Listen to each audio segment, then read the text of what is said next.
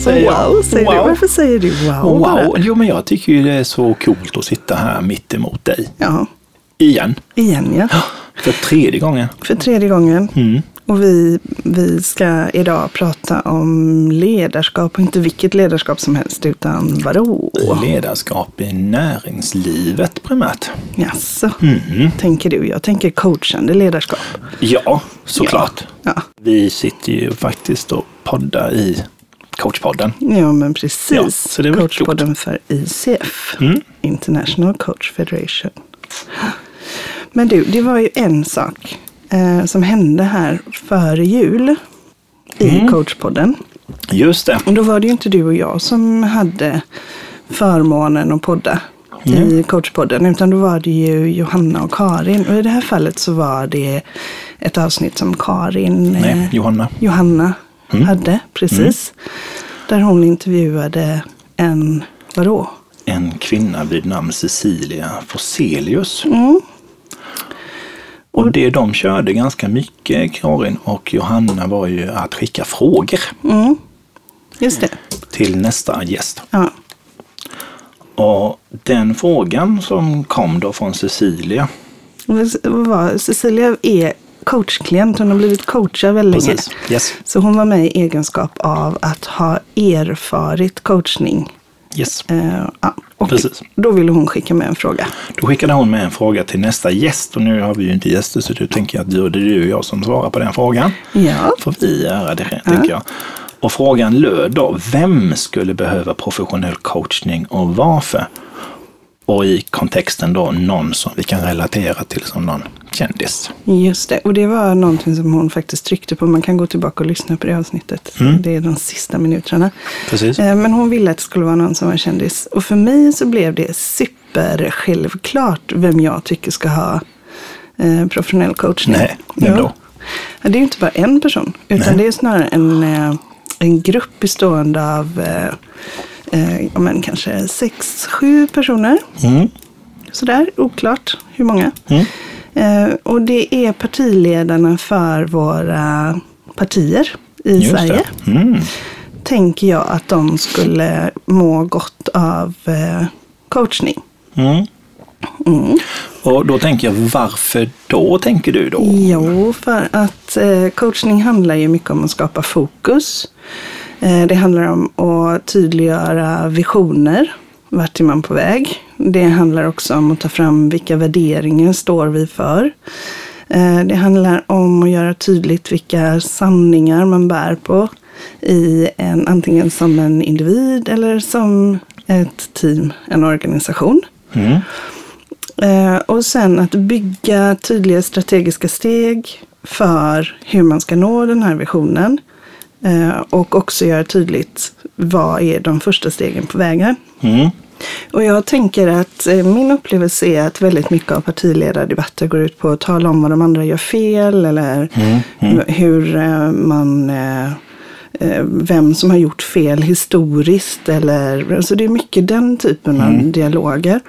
Och jag hade tyckt att det var riktigt spännande att få höra en tydlighet kring att det här, det här är vi. Det här är vad vi står för.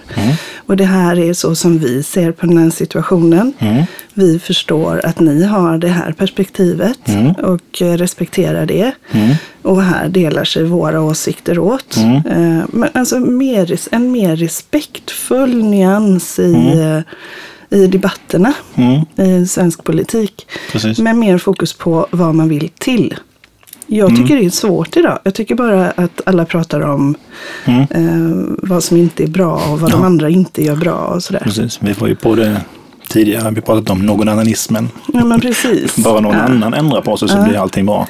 Ja, så Och jag, jag- Mm. hade, jag, jag hade velat, jag tänker också det här att, eh, att det finns vissa partier som inte pratar med andra partier. Eh, Mm. och om man är extremt tydlig i att det här är vad vi står för Mm. så kan man ju också vara tydlig och bemöta andra Mm. synpunkter på ett respektfullt sätt. Mm. Eh, men fortsatt stå för sina värderingar. Ja, så det var min spontana. Mm. Och det är kul att du, att du fick faktiskt samma, för jag fick samma känsla, eller samma tanke, Ja. just kring, kring det politiska etablissemanget. att, att eh, föra den här typen. Och jag, jag tycker själv som person att eh, erfarenheten både av att bli coachad och att coacha i, i ett område där jag själv kan äga frågan och ta ansvar för att Ja. faktiskt det här är någonting som, som jag kan ta eget ansvar i. Eller jag som person eller organisation eller whatever. Det här står vi för. Ja, men precis. Det här står vi för. Och det här står vi trygga för. Mm. Ja, vi, och vi äger den här frågan och vi, vi brinner för den. Och, och det är det här som, ja, Mm. Och det lyser ju nästan om personer som har den tryggheten. Mm. Så det skulle ju också öka attraktionsgraden. Tänker jag. jag tror alla skulle vinna på det. Men det, ja. ja, det skulle ju bli spännande att se om, vad som skulle hända. Skulle du eh, vilja coacha någon partiledare? Det skulle ju vara jättekul. Faktiskt. Mm. Ja, spännande tanke. Ja, och, och, och, och då med hänsyn till det som vi har pratat om i första avsnittet, Anna, när vi pratade om vad är coachning? Mm. Ja. Det är inte rådgivning. Nej. Och det handlar inte om vad jag tycker och tänker och känner, eller det handlar inte om Nej. mig överhuvudtaget. Nej.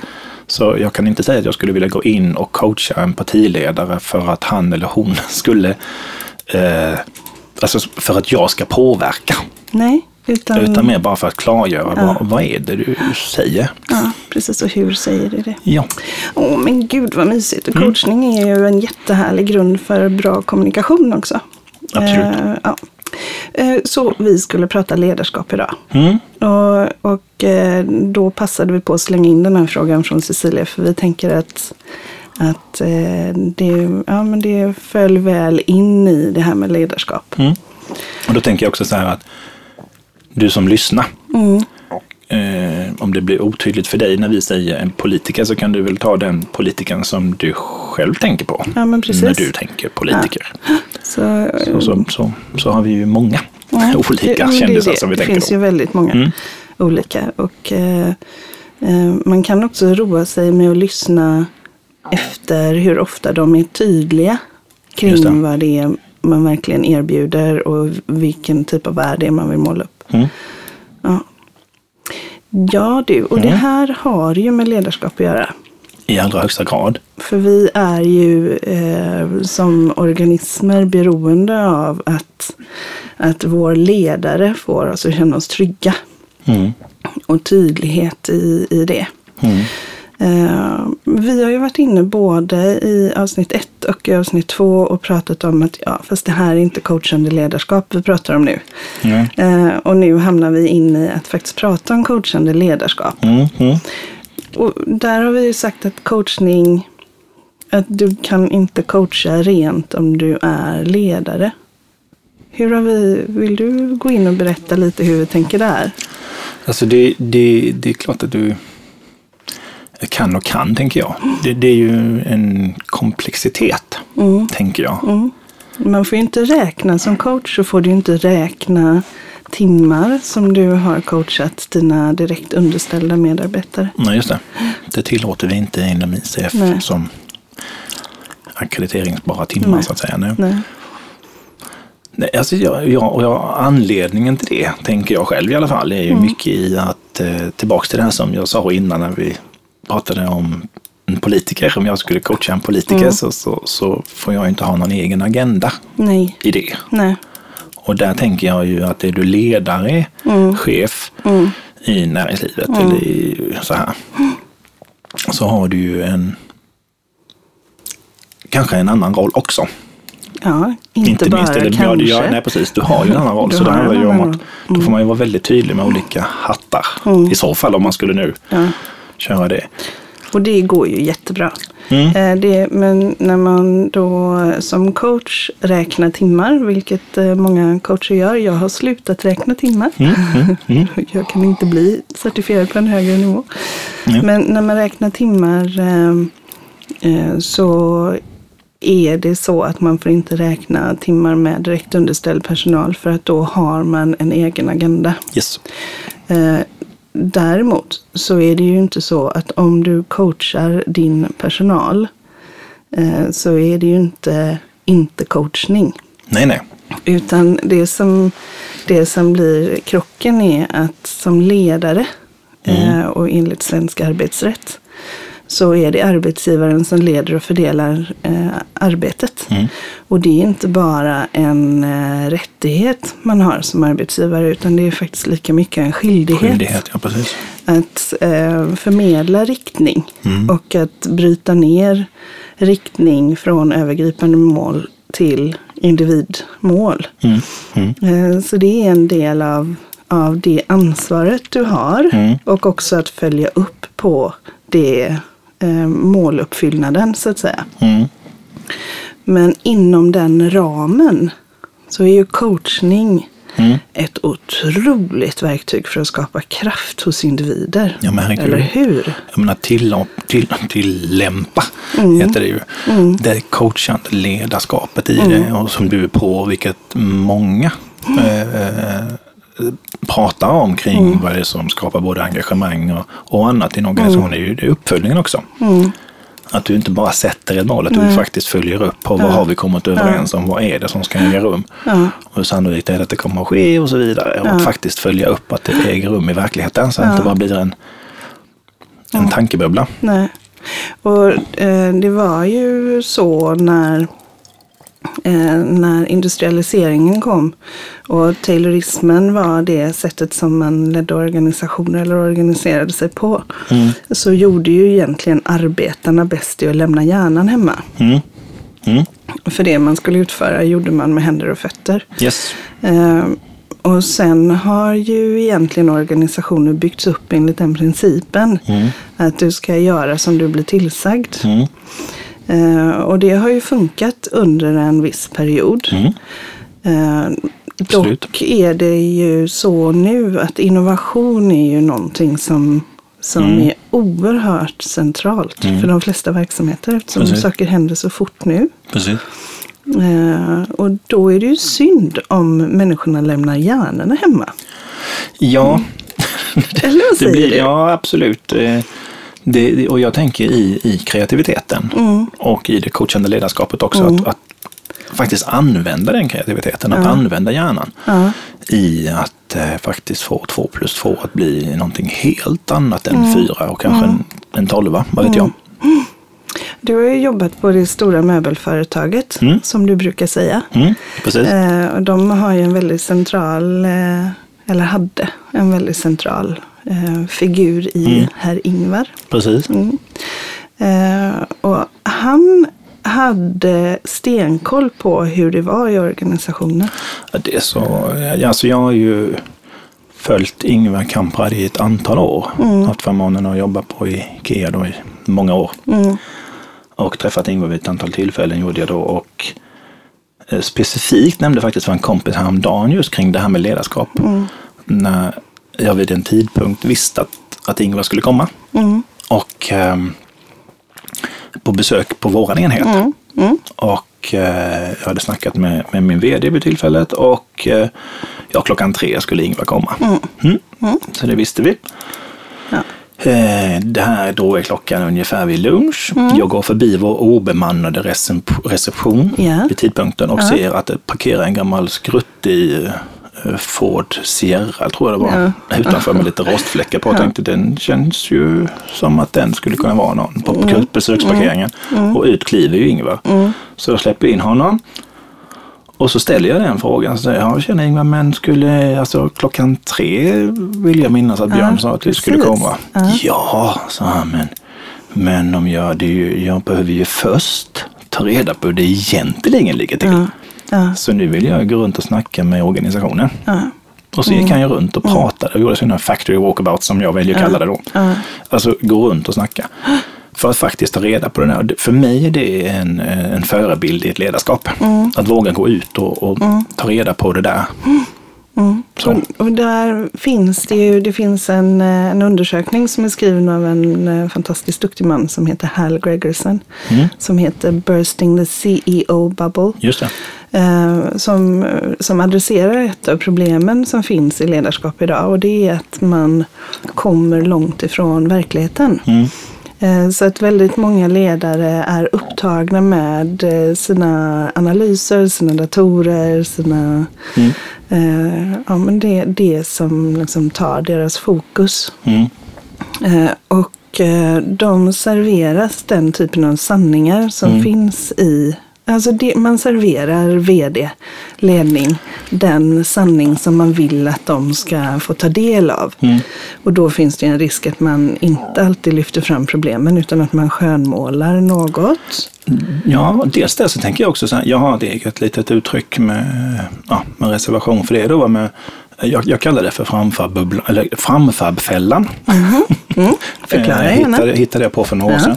Och, och vad jag menar med det, det är ju att eh, alltså framtidsfabriken, alltså framfab med, med Birgersson och det här, det var ju en framgångssaga utan Mm. Ja. dess like. Absolut. Och jag tror att Birgersson sa vid något tillfälle att eh, när aktien stod i, vad var det, 2 500 Mm. per styck, så sa han men klockan halv sju så är inte företaget värt något för då går hela kapitalet hem. För allting var ju Mm. byggt då på bara, bara humankapital, för de hade ju inget strukturkapital. Mm. Samtidigt med det, det jag tänker då kring framfabfällan, det var ju eh, utifrån min föreställning Mm. Ja, ja, såklart absolut. Shoot. så, så tänker jag att eh, man tog ett beslut Mm. som inte kanske genomfördes i verkligheten. Nej. Och så tog man ett nytt beslut baserat på att föregående beslut faktiskt var, alltså vi hade en föreställning om att vi Implementerat. hade implementerat det. Ja. Och så tog vi ett nytt beslut som byggde på att föregående och sen bygger vi bara beslut på att det har ägt rum, saker som inte har ägt rum. Mm. Och då är vi i den här bubblan. ja. Ja. och då burstar den ju som Mm. Precis, och den, den Och det sprack gjorde ju ju den. på ett obehagligt sätt Ja. kan Mm. man säga, den bubblan. Men eh, det här som, som är spännande när man går från eh, tayloristiskt eh, tankesätt, det är, det är ju länge sedan det fanns, men ändå Mm. eh, väldigt eh, eh, fokuserat på att folk ska göra det de ska göra. Till att göra tydligt vad man har för förväntad output Precis. för eh, olika roller. Så att, att egentligen eh, um, i sitt ledarskap göra tydligt att det här är de mål vi har. Och det här är den output, outputen vi vill komma åt. Och vara tydlig i det som ledare. Så det här är det vi vill för helheten. Eh, och att med då organisationen bryta ner det i vad innebär det då för den här avdelningen, Och för den här avdelningen och för den här avdelningen. Och att lita på och, och förvänta sig att den som är ansvarig för den enheten då gör samma sak i sin tur. Ja, och inte bara gör samma sak utan också har skapat förutsättningar för att kunna ta det. Ja. Alltså, Ja men precis, och, och, och att det är vadet man diskuterar. Så vad, är, vad är det för output? Och när man har gjort tydligt att det är det här vi har som output så ställer man frågan till medarbetaren. Hur gör vi det på bästa sätt? precis. Och, och det här att, att ställa frågan hur gör vi detta? Och i vilken ordning gör vi det? Och lita på att den personen som är närmast det momentet, alltså den här medarbetaren, är den bästa experten på det området. Ja, det tänker jag. Det har ju vederbörande blivit anställd för vid någon tidpunkt att faktiskt Ja. göra det där. Ja. Eh, Och, och när man fullt ut får en organisation som jobbar med den här typen av coachande ledarskap, där man är tydlig, i, det här är förväntningarna, det här är ramen. Jag litar på att du, eh, m- att du tar fram hur vi når dit. Och också eh, när vi kan se resultat och vilken typ av resultat det är vi kan se. Alltså att man coachar sina medarbetare. Eh, och det är ju den här balansgången mellan att sätta ramen och att coacha och engagera medarbetarna. Mm, Det är det som ger så fantastiskt fina resultat. Mm. Eh, och vi har ju hänvisat till den här gallupundersökningen tidigare. Just det. Mm. Berätta lite om den. Ja, Gallupundersökningen som, jag vet inte vilket år man gjorde den första gången, där man ställde en, en omfattande fråga där man fick egentligen fram ett index kan man säga på hur medarbetarengagemanget är. För att se liksom hur många procent utav en organisation är faktiskt engagerade i företagets övergripande mål då och känner ett engagemang när man går till jobbet och säger bara wow, det där som jag själv kände under de åren jag Ja, gick och jobbade på Ikea exempelvis och jag tyckte bara wow, Mm. nu är snart äntligen semestern slut, vad kul. precis. Ja. Ja. Och att den då från första mätningen visade 16 procent Mm. Och sen några år senare, så den senaste nu, då är bara 14 procent. Så det går ju inte ens i, re- på rätt håll. Nej, och då är det snitt för Sverige kan vi Yes. säga. Mm. Men i det snittet så finns det ju även organisationer som presterar väldigt bra. Precis. Som har väldigt högt engagemang. Ja. Och jag tycker att det är så spännande. Ehm, Jag har, har ju snöar ju in på engagemang. Nej. Jo, jag, det är verkligen mina ledord genom livet. Ja, mm. är ju att skapa fokus, engagemang och glädje. Jag hörde att CEO står för Chief Engagement Officer. Ja, det är jättebra. Ja. Det tycker jag på riktigt. Det skulle jag kunna skriva under på. Ja. Eh, Men det, den här gallupundersökningen, när de har gjort den så har de också valt att djupintervjua företag som Precis. Mm. faktiskt har väldigt högt engagemang. Det Och då- tycker jag är bra. Ja. För då grottar vi inte i det som inte funkar, Nej. utan då tittar vi på det ja, som men vi får faktiskt funkar. fram best practice. Yes, Alltså, yes. Mm, Det är jättesuperbra. Så eh, med varm hand så kan eh, jag rekommendera en bok som heter It's the Manager. Som är skriven av en man som heter Jim Clifton. Mm. Precis. Och en Den annan har jag ju hört dig Jim. prata ganska mycket om. Och jag är ju helt insåld på den nu. Det är ju det enda. Ja, Mm. Jag har ju just tvingat 21 personer att köpa den boken Dessutom. dessutom. Eh, För att, att läsa den. 23 blir det med dig och Katarina. Mm. Just det. Mm. Eh, hur som helst så har man då tittat på vad är det som, som gör att man känner ett högt engagemang. Mm. Eh, och eh, eh, har då identifierat några förändrade eh, krav i, ibland medarbetarna. Mm. Eh, Vi kommer ju i nästa avsnitt prata lite om eh, att vi har förväntningar på medarbetarna också. Just det, precis. Men nu är det krav från medarbetarna på ledning. precis. Och, och eh, har du dem där också framför dig? Yes. Mm.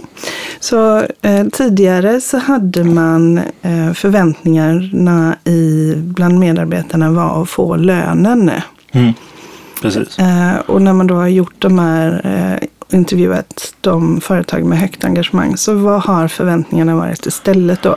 Det har ju varit mitt syfte Ja. Mm. som, som medarbetare. Ja, det är inte bara medarbetare, det är ju chefer och och alltså det är ju hela vägen. Alla är ju Så det alla medarbetare. håller, ja, precis. Alla är ju det. Va? Ja. Så, så syftet istället för lönechecken. Och det blir ju spännande för att det handlar ju egentligen om att mitt syfte i livet ska kunna haka ihop med företagets syfte. Yes. Så, så eh, när en, en ledare coachar fram vad är, det för, vad är det du känner i ditt Mm. syfte? Och man kan eh, haka in det i bolagets Mm. Precis. syfte. Precis. Så då möter du de här kraven från Och det kan jag bara lägga till då att även om vi nu pratar om just den här boken så finns det ju en äldre bok som heter Good to Great då. Ja, Där man också pratar om, om att vad är det som är skillnaden som är skillnaden från att vi vara har så många Ja, det finns ju böcker. många böcker. Men där, är jag också, där, där kommer ju det här också med som väldigt tydligt. Vad är det som, som utmärker väldigt framgångsrika organisationer? Men det är ju när folk känner liksom att ja, Vet du vad Dennis? Nej.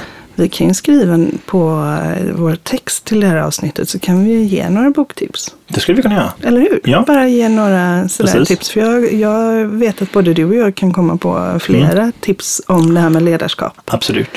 Ehm, eh, och sen så var krav tidigare från eh, medarbetarna att man skulle få eh, känna en tillfredsställelse. Ja, det tror jag till och med vi mätte. Och det kanske finns företag som gör det fortfarande idag som mäter medarbetartillfredsställelse. Ja, Ja. Nej, men jag är tillfreds. Kontra att då istället prata om nu då, där vi sitter på, på de här som är framgångsrika, så handlar det mer om hur min utveckling. Mm. Hur kan jag utvecklas? och, och där kan jag ju känna att tillfredsställelse. Det är ju lite statiskt va? Mm. Nu når jag en nivå, nu är jag tillfredsställd. Medan att vilja ha utveckling handlar ju om att kontinuerligt Precis. eh, utvecklas Precis. och få nya Ja, möjligheter. precis. Och eh, tidigare så eh, hade man förväntningar att ha en eh, chef. Mm. Just och det. de här företagen som Gallup har kollat, vad är det medarbetarna har för krav nu då? Ja, i de framgångsrika organisationerna så är det ju min coach. Mm. Så de vill bli sedda, de vill bli lyssnade på, de Mm. vill få utveckling, de vill att man tittar på Mm. syftet så att säga. Precis. Ah. Ja, spännande. Och också hur jag kan få stöd i hur jag utvecklas och, och min del, min, hur jag kan bidra, Mm. tänker jag. Och tidigare hade man också sin ett, eh, kravställning, en förväntan på ledare Mm. att eh, man skulle få en årlig, eh, ja, men ett årligt eh, lönesamtal eller ett, en årlig utvärdering. Just det. Och Mm. då- Årlig, en gång om Ja, året. just det. Personal development talk skulle man ha en gång om året. En gång om året. Och, och förväntningarna nu då och det som eh, de här företagen med högt engagemang verkligen lyckas med. Mm. Det är istället Det är ju hur jag, alltså den, den, den, hela tiden den ständiga konversationen kring, kring mig och, och mitt bidrag i, i alltihopa det, här, Mm. hur jag presterar och hur jag funkar och hur allting funkar. Mm. Så det är ju att gå ifrån att ha en årlig Mm.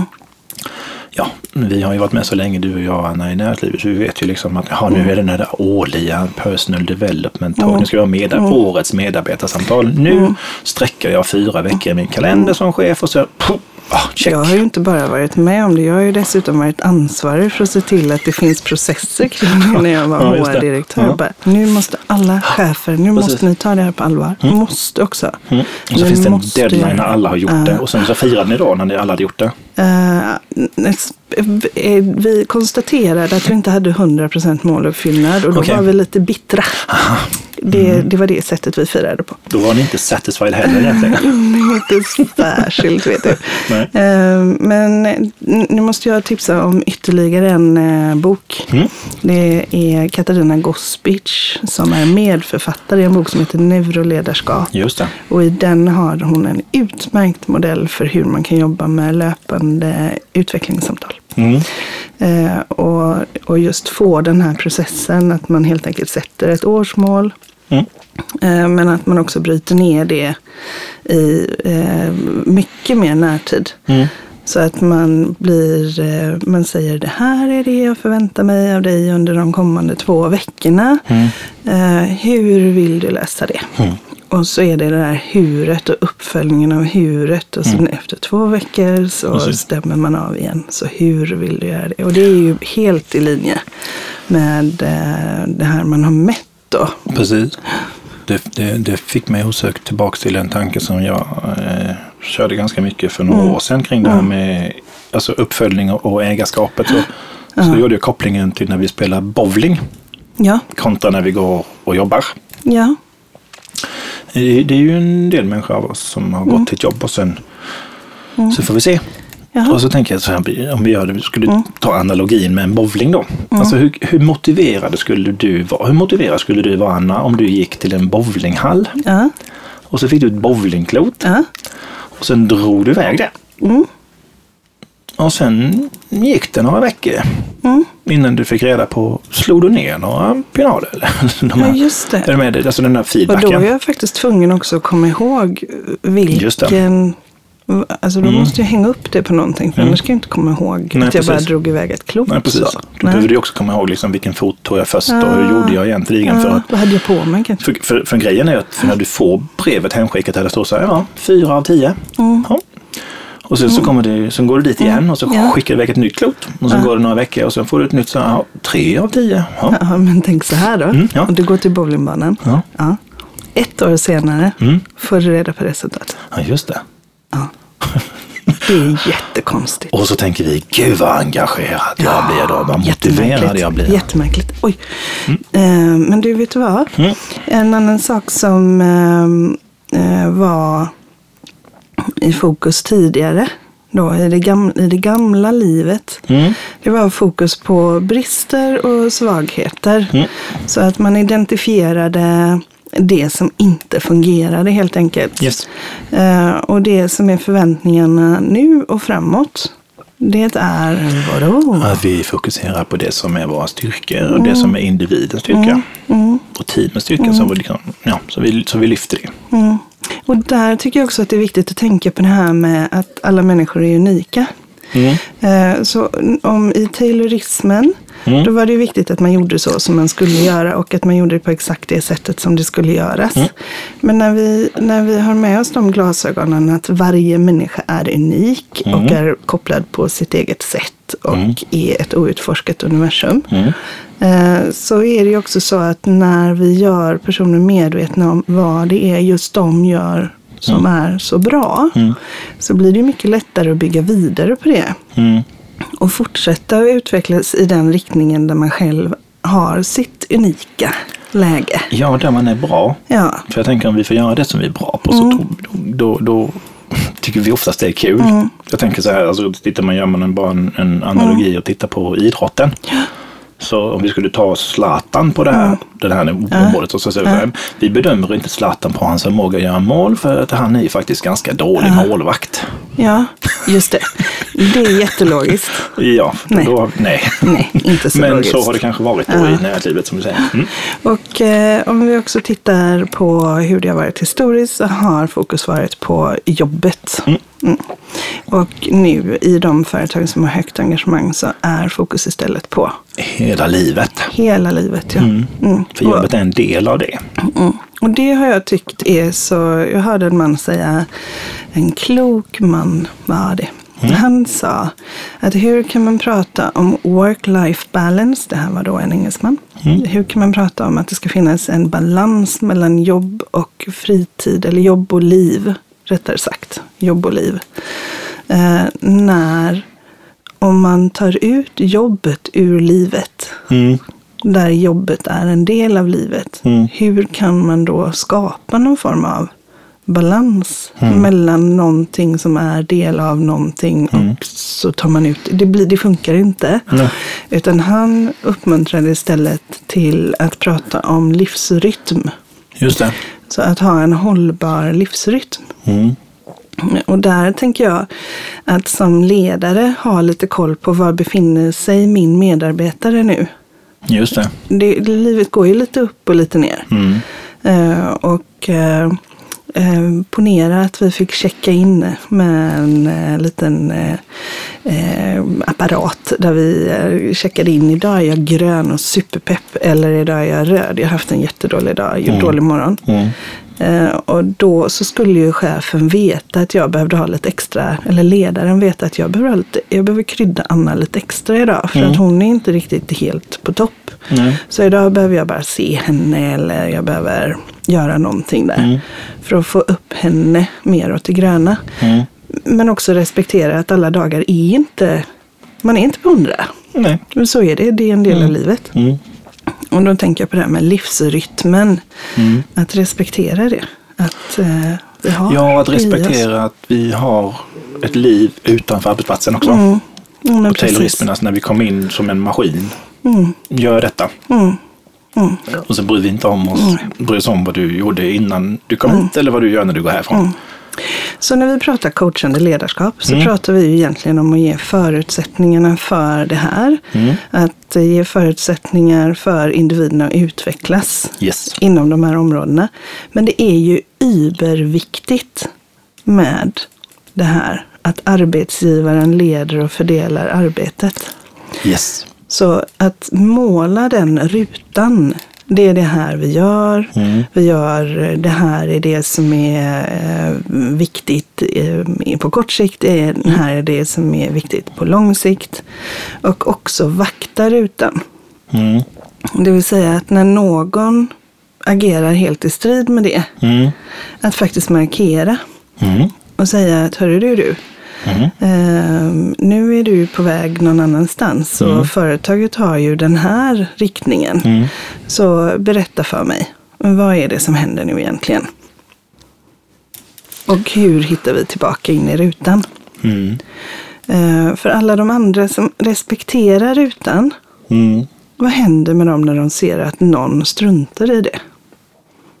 Ja, men det är ju, ja precis. Vi är ju människor där och vi, det skapar ju en, en obalans såklart.